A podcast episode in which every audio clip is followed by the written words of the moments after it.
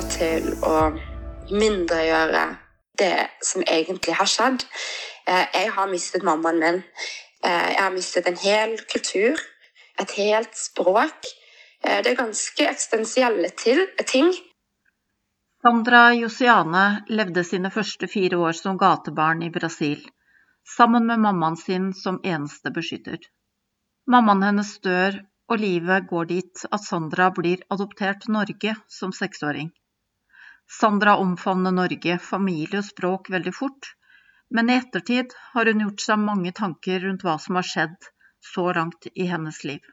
Det er vanskelig å tenke seg en slik start på livet, men modig nok har Sandra gjort akkurat det. I dag skal vi få høre historien til Sandra. Jeg vet ikke veldig mye om historien til Sandra på forhånd, men nå tar vi og ringer henne, og så tar vi det derfra.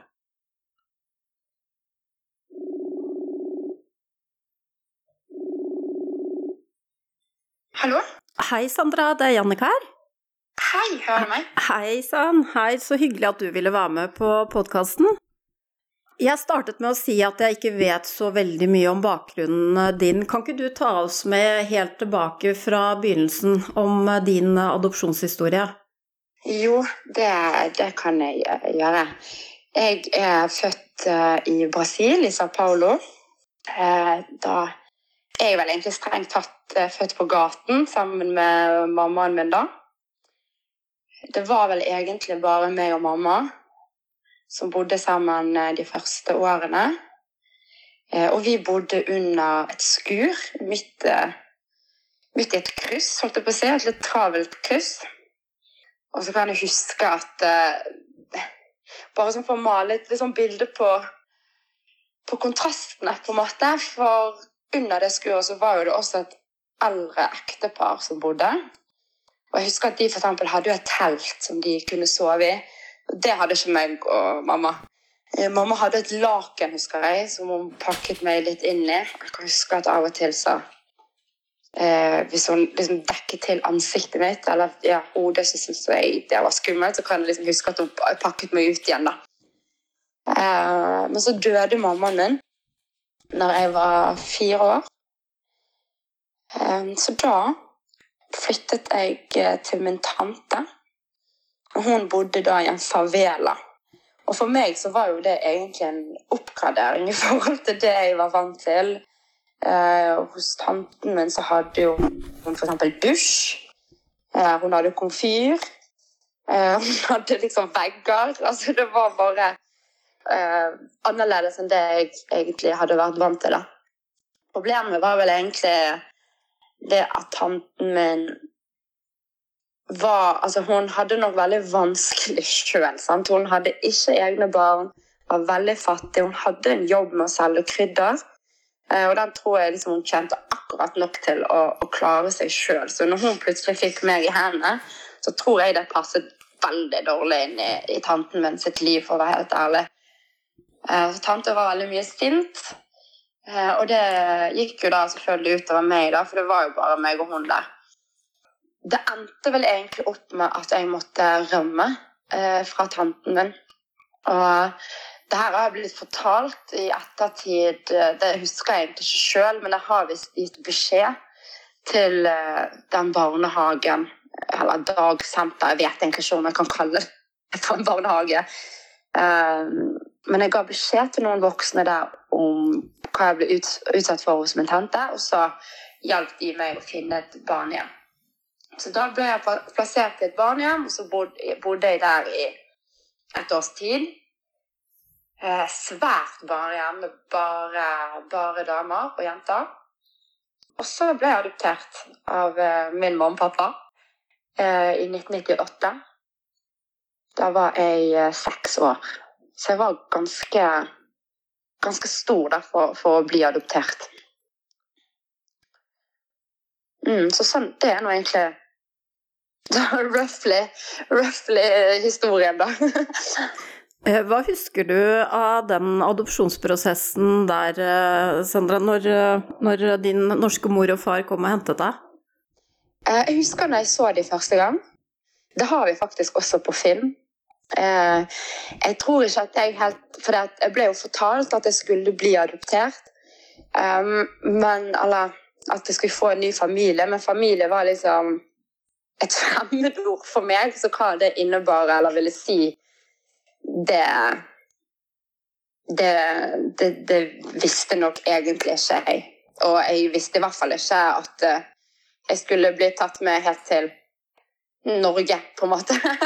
det er en lang reise. Men jeg husker at uh, For mamma de kom jo Når de kom og hentet meg, så første gang de så meg, så var jo det i domstolen. Uh, på et, et, eller annet kontor der, eller møterom. og da ble jeg veiledet inn av en saksbehandler. Og da husker jeg at jeg åpnet døren, så sitter mamma og pappa der, og min bror, som også er adoptert og venta på meg. da. Og de hadde tatt med seg eh, gaver. Og, og, det er egentlig litt rart, for det første jeg gjorde når jeg åpnet døren, det var faktisk å storme mot eh, mamma. Eh, og, og klemte henne. Og det vet jeg ikke, det bare gjorde jeg. Helt sånn instinktivt. Så ja det var et veldig stort øyeblikk for mamma og pappa. Jeg husker mamma gråt, og jeg tror jeg mobbet henne. Eller ertet henne i de fem ukene de var der for at hun gråt så mye den første dagen. Sandra, hvordan er det Du var jo ganske stor når du ble adoptert, og husker jo sikkert mye fra både Brasil og språk og, og kultur og sånt nå. Hva, hva, tenker du om det i dag? Du var jo seks år og hadde liksom med deg din eh, arv fra biologisk stand. Hva tenker du om det i dag, at du kom til Norge så gammel, seks år? Um, jeg har tenkt veldig mye på det, egentlig. Uh, det har jo gått bra, men jeg tror også at uh, det kunne gått veldig mye bedre. Det var veldig mange eh, tøffe episoder og følelser som jeg ikke har skjønt eh, så veldig mye av sjøl. Så jeg kunne nok ønske at det var et bedre støtteapparat, eller noen som på en måte kunne veilede både meg og mamma og pappa i hele denne prosessen etter vi hadde kommet hjem igjen. For jeg føler nok at vi har blitt overlatt veldig til oss sjøl. Eh, og som du sier, jeg var seks år, eh, kommer fra et helt annet kontinent, dratt inn i en ny familie med min bagasje. Jeg var egentlig ganske traumatisert barn òg. Eh, uten å ha noen egentlig å snakke med de traumene om, på en måte. Så det har jo egentlig ikke vært helt heldig, og jeg syns heller ikke at det, det nødvendigvis har blitt gjort på en riktig måte. Eh, hvis man skal tenke på barnets beste, eh, så, så syns jeg vel egentlig at eh, i denne situasjonen her så har man vel egentlig ikke tenkt så veldig mye på det, for å være helt ærlig. Man har liksom bare gitt meg til en ny familie og krysset fingrene for at det skal gå bra, og så har man liksom gått videre til neste prosjekt, på en måte. Vet du om det i ditt tilfelle ble diskutert innenlandsadopsjon? Eh, det ble ikke diskutert det i mitt tilfelle. Eh, fordi at eh, de hadde allerede adoptert min bror fra Brasil. Han er ikke min biologiske bror, det må jeg bare understreke. Men da hadde de allerede adoptert han, så de ønsket å adoptere en til fra samme land. Han er eldre enn deg, din adoptivbror? Ja, han er ett år eldre. Ja, Var han også på din alder når han kom til Norge? Nei, Nei han var to år når han kom til Norge. Men hva skjedde når du kom til Norge, for du var seks år, jeg regner med at du kanskje begynte på skolen ikke så lenge etterpå. Hva med språk og sånne ting? Det har egentlig vært litt sånn fascinerende. Jeg kom til Norge i oktober 1998, og i desember så snakket jeg jo norsk. Jeg begynte jo på Nygård skole her i Bergen, som var egentlig en skole for innvandrere. Eh, og meg, da. Men jeg tror jeg var det eneste adoptivbarnet på hele skolen. Og det merket man jo også ganske forskjell på språkmessig. Eh, for jeg kom jo hjem til min norske familie og måtte snakke norsk, mens de klassevenninnene mine kom hjem og måtte snakke sitt morsmål. Så det endte opp med at jeg glemte mitt eget språk, og så ble det byttet ut med norsk, og jeg lærte norsk lynraskt. Men jeg glemte mitt eget språk lynraskt òg, da. Det var aldri noe alternativ i skoleverket at du skulle få beholde ditt morsmål? Eh, jo, det var det. Eh, mamma og pappa jobbet iherdig eh, med å prøve å få meg på morsmålstimene, men jeg var ikke så veldig motivert for det. Jeg hadde lyst til å lære meg norsk. Eh, det var viktig for meg, og jeg var såpass sliten. jeg skjønte ikke helt eh, viktigheten av å heller ta vare på mitt eget språk. Eh, det viktigste for meg var egentlig bare å bli norsk så fort som mulig, og, og så um, få det briste eller bære, på en måte. Men jeg hadde heller ingen å snakke morsmålet mitt med. Eh, men i dag syns jeg jo det er veldig trist, egentlig, at jeg eh, har glemt mitt eget språk. Barn har jo en merkelig måte å tilpasse seg situasjonen, men når du tenker etter i dag, hva ville vært en optimal situasjon for deg når du kom til Norge? Jeg tror, og det syns jeg faktisk um, er vanskelig å svare på sånn sett, men jeg tror at det optimale var at uh, det var noen som kunne snakket med meg om, om overgangen, Eh, om uh, det jeg hadde opplevd hadde i bagasjen. Eh, noen å kunne snakke om egentlig utfordringene med. Det som egentlig skjedde, som jeg syns er litt interessant, er jo at f.eks. når jeg ble For jeg var jo alltid veldig urolig på skolen, slet masse med konsentrasjonen. Eh, og det var også mange andre følelsesgreier som, som gjorde at livet var veldig utfordrende, da. Eh, og mamma og pappa syntes nok også at det var vanskelig å forstå, og prøvde jo selvfølgelig å finne en forklaring på hvorfor ting var sånn som det var for meg, da det var helt tydelig at jeg hadde det veldig kaotisk på en måte i mitt eget hode.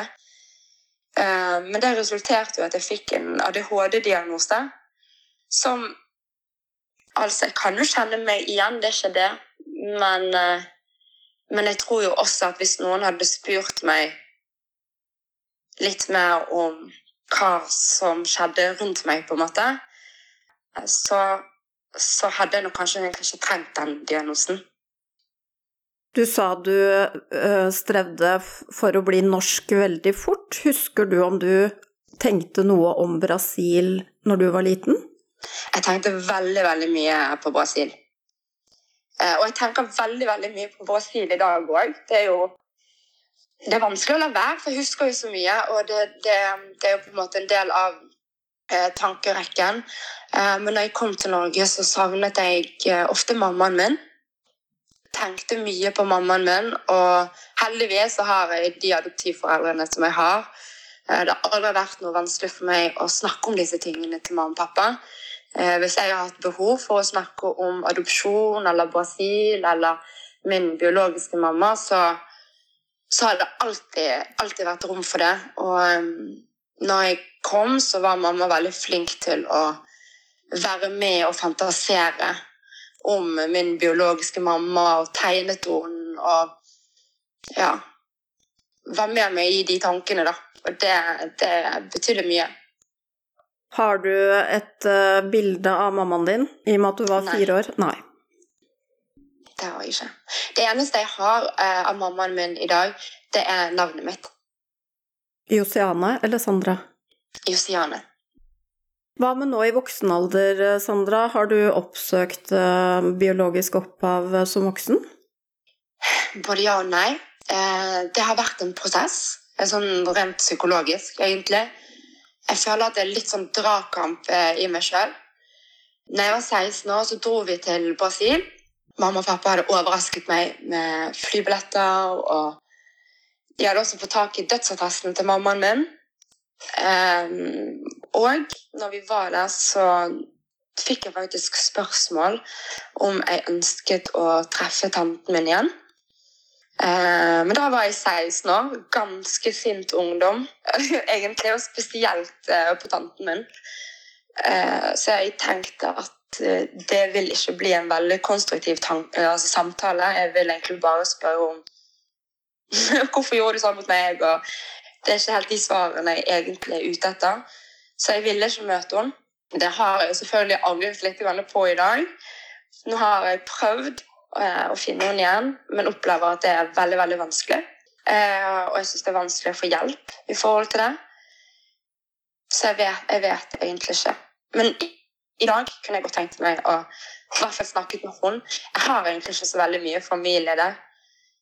Det har på en måte bare vært mamma og så eh, tante bestef, altså, best, altså mormor og sånn, de var jo egentlig veldig alkoholiserte og narkomane. De òg fikk jo muligheten til å møte når jeg var 16 år, men da sa jeg nei til det også. Hva med din eh, bror, eh, Sandra? Har dere hatt en sånn felles greie om å oppsøke ting i Brasil? Du vet hva, Vi er veldig forskjellige på dette her. Eh, han har jo faktisk søsken, og han kunne ikke brydd seg mindre eh, om, om, at han har søsken. Hadde det vært meg, så hadde jeg tatt første fly til Brasil for å hilse på dem. Men eh, vi har en veldig forskjellig tilnærming til det å være adoptert. Forandret det seg når du var voksen og fikk egne barn, Sandra, dette her med biologisk opphav, eller har du på en måte søkt litt etter det hele veien? Jeg har vel egentlig søkt litt etter det hele veien. Det som endret seg når jeg fikk barn, var at det ble veldig tydelig for meg sant? Tenk, jeg bodde alene med mammaen min på gaten til jeg var fire år. Og før jeg fikk barn sjøl, så har jeg syntes at det har vært litt vanskelig å Eh, å forstå hva, altså, hvem er man på en måte som fireåring. Hva vil det egentlig si? Hva slags bånd kan man knytte til en fireåring? Um, jeg har alltid liksom omtrent sett for meg at jeg var baby. Men det er man jo absolutt ikke når man er fire år. Og jeg ser bare på gutten min hvor, hvor knyttet uh, vi er. Uh, så det har satt i gang ganske mange tanker uh, om min egen tid eh, sammen med mamma. Det har det. Jeg kommer tilbake litt til det at du var faktisk seks år når du eh, reiste fra Brasil.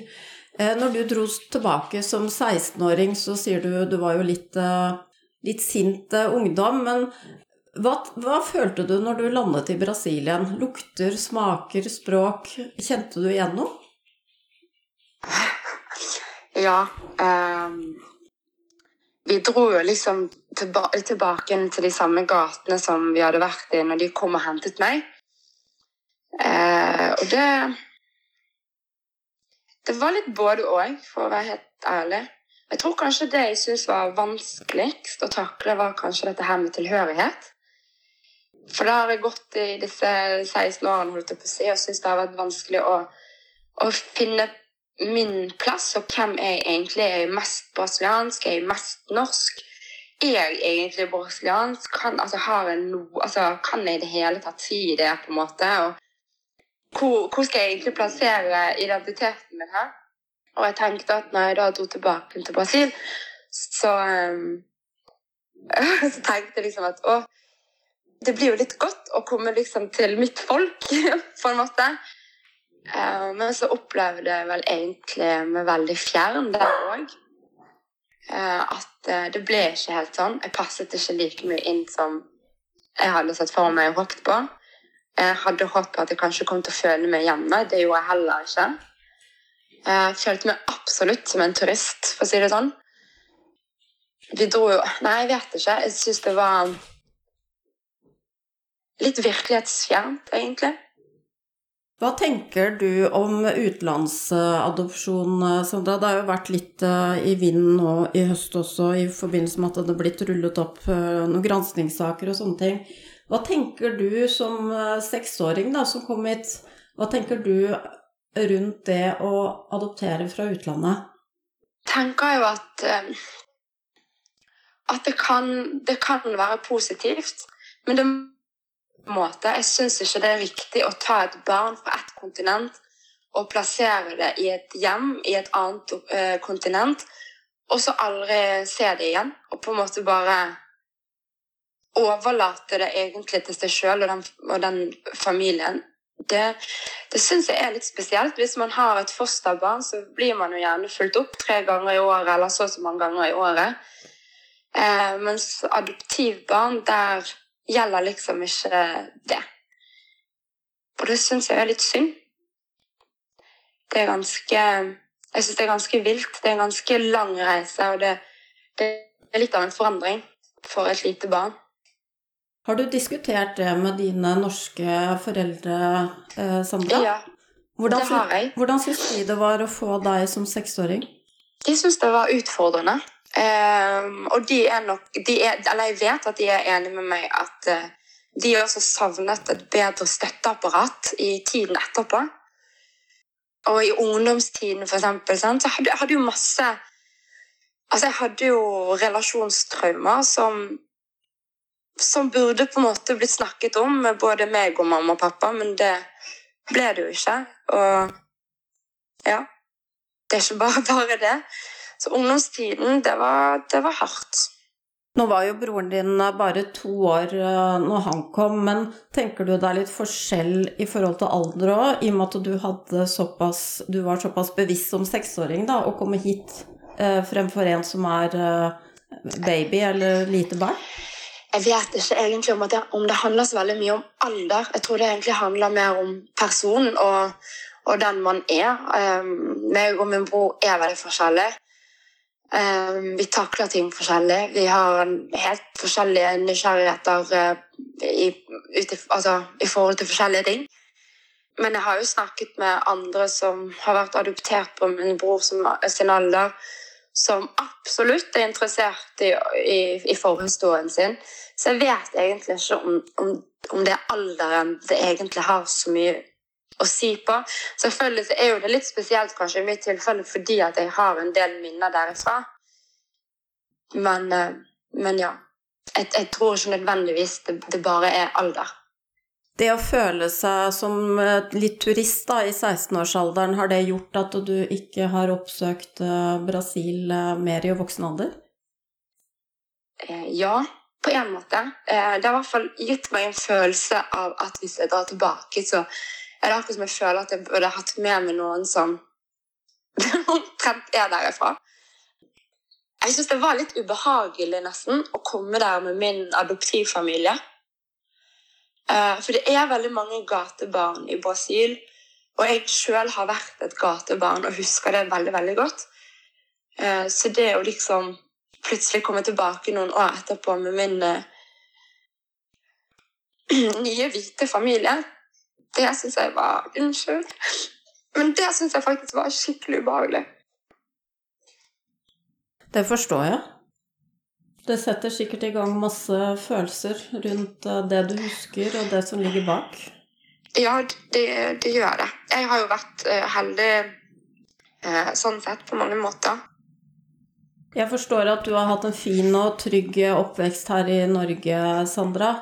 Kan ikke du fortelle litt om eh, familien din? Jo, det, det kan jeg gjerne gjøre. Jeg har vært veldig heldig som har kommet til, eh, til den adoptivfamilien som jeg har. Altså, ungdomstiden var brutal, og meg og mamma kranglet eh, mye. Det var sånn Hvis mamma så på meg tre sekunder for lenge, lenge så var jo det nesten krig. så så det var hardt. Det har ikke alltid vært uh, veldig, veldig fint, men i voksen alder så har det blitt veldig fint. Og jeg tror uh, det som har gjort det så bra, er jo det at det har vært mye åpenhet i familien. Det har alltid vært til å kunne snakke om det som er vanskelig i forhold til adopsjon, men også mental helse og livskriser og det, og det som skjer, på en måte sånn som jeg nevnte tidlig, så har jo dette her med tilhørighet vært et, et, et vanskelig tema eh, for min del. Og min adoptivfamilie, eller familie, de, det er vel kanskje første gang jeg noen gang har kjent på en tilhørighet. Eh, så det har betydd De har betydd alt, egentlig. Har du tenkt eh, over hvordan livet ditt ville vært hvis du fremdeles hadde bodd med mammaen din i eh, Brasil? Ja, det har jeg tenkt veldig mye på. Jeg har tenkt eh, Mamma min var veldig flink å beskytte meg. Selv om vi bodde på gaten, så, så følte jeg meg veldig trygg eh, sammen med mamma. Eh, det var noe helt annet eh, hos tante. Men jeg tror nok at hvis jeg hadde blitt værende med mamma, så hadde nok det trygge også til slutt blitt litt utrygt. For jeg hadde vært gatebarn, eller ja, jeg hadde jo fortsatt bodd på gaten. Jeg hadde nok vært nødt til å prostituere meg, og det hadde nok vært mye rus. Det hadde vært en helt andre muligheter, eh, for å si det sånn. Livet hadde vært veldig annerledes for min del. Nå som du har den bakgrunnen du har, Sandra, du har jo egne barn også. Tenker du å innføre litt av den brasilianske bakgrunnen du har, til eh, dine barn igjen? Ja, det tenker jeg i den forstand at eh, jeg kommer til å være åpen om det. Og jeg kommer nok til å ta dem med meg til Brasil på et tidspunkt. Eller de har jo foreløpig bare én, da. men, eh, men ja. Men jeg syns også det er litt sånn Det er litt skummelt òg, for det er, veldig, det er veldig nært og privat og personlig og ja, annerledes. Blir det sånn at det er mer din historie og ikke deres historie, på en måte? Ja, det blir jo egentlig det. For deres historie kan egentlig ikke sammenlignes med, med min, uansett. Ja. Det å adoptere, Sandra, er det noe du kunne gjort selv? Da jeg var liten, så sa jeg liksom alltid at å, jeg skal adoptere to barn. Eh, men jeg, jeg altså, det er noe med å ha liksom, det reelle synet på det òg. Det, det, er jo ikke bare bare. Du skal være veldig klar for det, på en måte, og emosjonelt påskrudd. og du skal ha tid til å følge det opp som alt, sånn som med alle andre barn, egentlig. Men jeg tror jeg ville vegret meg litt, for å være helt ærlig, for å adoptere eh, noen på samme alder som jeg sjøl ble adoptert i. Dette med oppfølging når adoptivforeldre både i forkant og etterkant skal hente barn fra utlandet. Eh, når du ble hentet, så var det sikkert enda mindre enn det det er per i dag. Hvordan tenker du at eh, en sånn prosess kunne gjøres lettest mulig? Jeg tenker at um, det, må, det, burde jo egentlig vært et form for jeg vet ikke, psykososialt team eller et eller annet som kan i hvert fall stå og ta litt imot. Man blir jo veldig fulgt opp liksom, i prosessen før, uh, mens etterpå så, så blir man jo ikke det. Men ja, noen man kunne spørre litt og ja, sant. Jeg hadde jo Man visste jo noe om meg. Mamma og pappa visste jo at jeg hadde mistet mammaen min, og at jeg hadde eh, vært utsatt for omsorgssvikt hos, eh, hos tanten min. I hvor stor eller liten grad, det, det, visste de jo egentlig ikke. Men da kunne jo det kanskje vært greit å, å snakke med mamma om, eller foreldre, adoptivforeldrene om, om relasjonstraumer, om traumer ja, hvordan, hva vil det egentlig si for et lite barn å miste mammaen sin i, i så ung alder? Rett og slett en bevisstgjøring hadde nok hjulpet mye på. Vet du om det var noe krav til adoptivforeldre når eh, din mor og far skulle hente deg, om de Dette med språk, f.eks. Måtte de kunne eh, noe av ditt språk? Nei, de måtte ikke kunne noe av mitt språk. De ble anbefalt å lære seg noen gloser, og det gjorde de. Ehm, disse andre ting rundt det å være adoptert, sånn som andre adopterte også sliter med innimellom, med relasjoner og det å speile seg i andre og sånne ting, har du følt på det opp igjennom? Ja, det kan jeg love deg. Det har jeg. Masse. Eh, og det akkurat dette her med å ikke ha noen å speile seg i i ungdomsårene, det er forferdelig vanskelig. Eh, og skal prøve å finne ut av eh, seg sjøl, og så ser du rundt deg, og så er det ingen Det er ingen du kan altså, sparre deg med, holdt jeg på å si. Det er, alt er annerledes. Eh, så ja, absolutt. Jeg hadde også veldig lyst til å ligne på mamma, f.eks. Syntes mamma var så fin, og jeg var så stygg i forhold, og jeg var så lei meg for at mamma ikke hadde født meg. Eh, så det har vært veldig sårt. Det var veldig sårt for eksempel, da jentene i klassen begynte å sminke seg. For eksempel.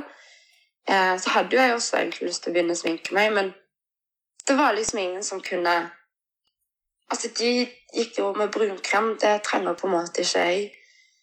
Følte liksom alltid at jeg ble litt utenfor. Automatisk, liksom. Så ja, nei, det absolutt, jeg syns absolutt at det har vært, eh, vært vanskelig. Det jeg også syns har vært veldig vanskelig, er at når jeg forteller at jeg er adoptert, eh, at jeg kom til Norge da jeg var seks år, og bla, bla, bla, så er første reaksjonen er alltid Åh, du, det er jo som å vinne Lotto. Du er jo kjempeheldig, Josiane. Du må være kjempetakknemlig eh, for at du har kommet hit til Norge. Og, og det er jeg. altså sånn Helt alvorlig, som nevnt tidligere. Jeg, jeg, jeg ser at jeg har et bedre liv her enn det jeg noen gang eh, ville fått eh, i Brasil. Men, men jeg syns også det, det, det bidrar til å mindregjøre det som egentlig har skjedd. Eh, jeg har mistet mammaen min. Eh, jeg har mistet en hel kultur, et helt språk. Eh, det er ganske eksistensielle ting. Og, det, det blir liksom blir glemt. Eller jeg tror ikke folk tenker over det. At de tenker liksom bare at Neimen, søren meg så heldig du har vært som har fått en ny familie. Og det har jeg jo. Men jeg hadde jo syntes det hadde vært veldig fint å ha mammaen min òg, på en måte. Altså sånn Ja. Tenk, tenker du at byrden ville vært mindre hvis du f.eks. hadde kommet til fosterforeldre i Brasil eller blitt adoptert innenlands der? Nei, fordi at Men det altså Nå har jeg fått den adoptivfamilien jeg har fått. Eh, og som sagt, jeg har vært ufattelig heldig eh, med de. Så jeg er veldig glad for at det akkurat er mamma og pappa som har fått meg. Jeg bare kunne ønske at det, det var litt bedre hjelp eh, til de og meg når vi kom. Men eh, jeg er veldig glad egentlig for at jeg ikke er et fostersystem fosterfamiliesystem i Brasil, for jeg vet ikke hvor bra system det er heller. på en måte. Det er jo ikke prisgitt noe bedre liv da heller, på en måte. Hvordan har du gjort det i voksen alder, eh, Sandra? Har du oppsøkt grupper eh, med f.eks. andre adopterte fra Brasil? Nei, jeg har egentlig ikke det. Og det er litt sånn Før nå, for et år siden, eh, da, da var faktisk første gang jeg søkte på sånne grupper på Facebook. Jeg har faktisk ikke tenkt på det engang før. Som jeg syns egentlig er veldig rart. For jeg har følt meg ganske aleine i det òg. Men eh, nå har jeg gjort det, og jeg er veldig glad for at jeg har gjort det, egentlig. Det føles veldig godt. Hva tenker du at du vil få ut av det? Utenom relasjoner til andre, selvfølgelig. Mm, jeg syns det er veldig eh, fint å høre om eh, deres opplevelser av, av, det å være adoptert, egentlig. Følelsene rundt det. Eh, det å kunne kjenne seg igjen i at det på en måte ikke bare er jeg som har slitt med dette her med tilhørighet og identitet og Ja. Eh, at det på en måte er noe som er normalt, på en måte. Det, det synes jeg har vært veldig godt. Og så syns jeg det har vært veldig eh, fint å få litt mer sånn man får jo litt mer informasjon. Sant? Hvor kan jeg henvende meg om jeg trenger hjelp til det? Og så har jeg gjerne noen å spørre om hjelp til òg. Nei, det føles veldig godt, egentlig. Hvordan ser livet ditt ut eh, per i dag, Sandra? Hva slags liv lever du nå? Eh, livet mitt nå er ganske travelt, egentlig, med skole og jobb og barn. eh, men jeg trives godt med det. Men jeg merker at eh, at det liksom hele tiden ligger liksom og ulmer eh, bak i hodet der. At jeg har egentlig lyst til å dra tilbake til Brasil og kanskje banke litt på dørene til, til noen av disse kontorene. Eh, og se hva jeg eventuelt finner. Er det en reise du ville tatt med barnet ditt, eller vil du vente til han var større? Eh, jeg har lyst til å ta den reisen alene, og så har jeg lyst til å ta med meg barnet eh, ved en senere anledning på en litt annen type reise. Hvordan føler du deg per i dag, Sandra? Er, det, er du liksom 100% norsk, eller liker eh, Brasil og ulmer i bakgrunnen? Eh, jeg tror jeg er en ganske god blanding. Men eh, jeg tror jeg blir 100% norsk eller 100% brasiliansk. Jeg tror bare jeg får være den rare komboen som jeg er, og så får det briste eller bære, egentlig. Da håper jeg du får oppleve tilbakereis til Brasil snart, eh, Sandra. Og så takker jeg deg så mye for at du satte ord på dine tanker. Jo, takk for at jeg fikk lov til det.